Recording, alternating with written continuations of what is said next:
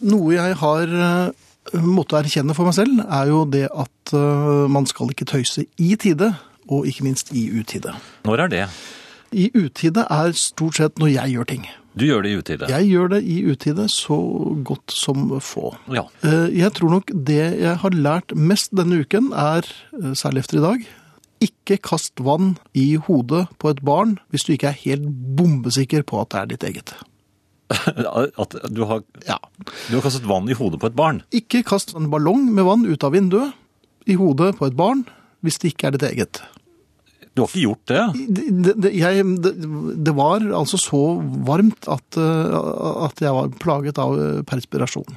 Den rant ned i øynene, og jeg er jo Og så, Så- fylte så- du en ballong med vann, Eh, Ja, det hadde jeg gjort, for jeg ventet på min datter. Jeg som du tenkte jeg skulle- pleier å ja, nei, ta imot på den måten Det der. ble en liten håndgranat eller eh, et dobbelt vindu. Er dette vanlig? Ting eh, skjer. Og du bor jo ikke akkurat i første Nei, jeg etasje. gjør jo ikke det. Men det var eh, Jeg tenkte jeg skulle lage litt spas på eh, en varm dag. Og hun er vant til dette antagelig. Da.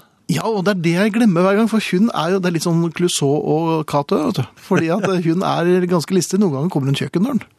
Og da står jeg, og da kommer hun noe Og da bakfra. står du på lur. Ja, det står på lur.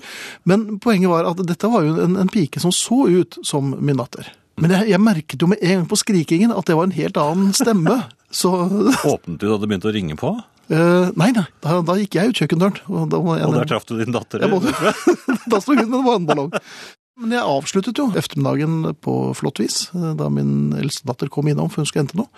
Og jeg kjente henne ikke igjen. For hun hadde på seg en sommerkjole. Du kjente henne ikke igjen. Nei, men det er ikke så lett, det, Vet altså. du, Først så kaster du ballonger på vilt fremmede barn, Ja, som du tror er henne. Det er ikke Ja. noe rart du ikke kjenner henne igjen. Du kjenner ikke igjen din egen datter, jeg du. gjør ikke det. De kom til sin egen, og han kjente dem ikke igjen. Nei. Ja, altså, sånn går dagene. Ja da, men, å nei, men men jeg har hatt eh, profesjonelt besøk i dag også. Ja, det tror jeg du trenger. Herreavdelingens feriekoloni. Her forleden så var jeg i butikken. Ja, det er du en gang iblant. Ja, en gang iblant. D- Dette var tidlig om morgenen, Ai, ai. for jeg hadde vært hos tannlegen. Og du har sånn tidlige timer. Ti ja, det, det var, for det hastet litt. Da jeg kom ut fra tannlegen, så var klokken ikke mer enn eh, ja, ti på halv ni eller noe. Oi, det var en veldig tidlig time Så da. tenkte jeg, men så fint, jeg går i butikken og handler litt frokost. Og du hadde ikke bedøvelse? Jo, det hadde jeg. Jeg skulle, hadde jo ikke tenkt å snakke med noen. Ikke sant, i butikken, det blir jo bare sånn... eh, Ja, det blir litt sånn snøvling, men det var greit. Ja, det kommer du unna med. Altså, Ja, men du skjønner, denne gangen viste det seg at eh, jeg skulle gå ikke bare fem på, men ti på. Nei! Jo, for da jeg kom inn i butikken, så kjøpte jeg ja, så det er bacon, og det skal jeg ha til søndag frokost, og det liker jentene så godt. Men du snakket ikke med deg selv, så det gikk jo Nei, greit. nei, nei, jeg det. gikk jo ikke, og jeg, gikk, jo- jeg ravet jo ikke rundt og snakket med meg selv. Nei. Men det som slo meg, Ja. var jo at se der sto det en litt frekk eh, firepakk med importøl.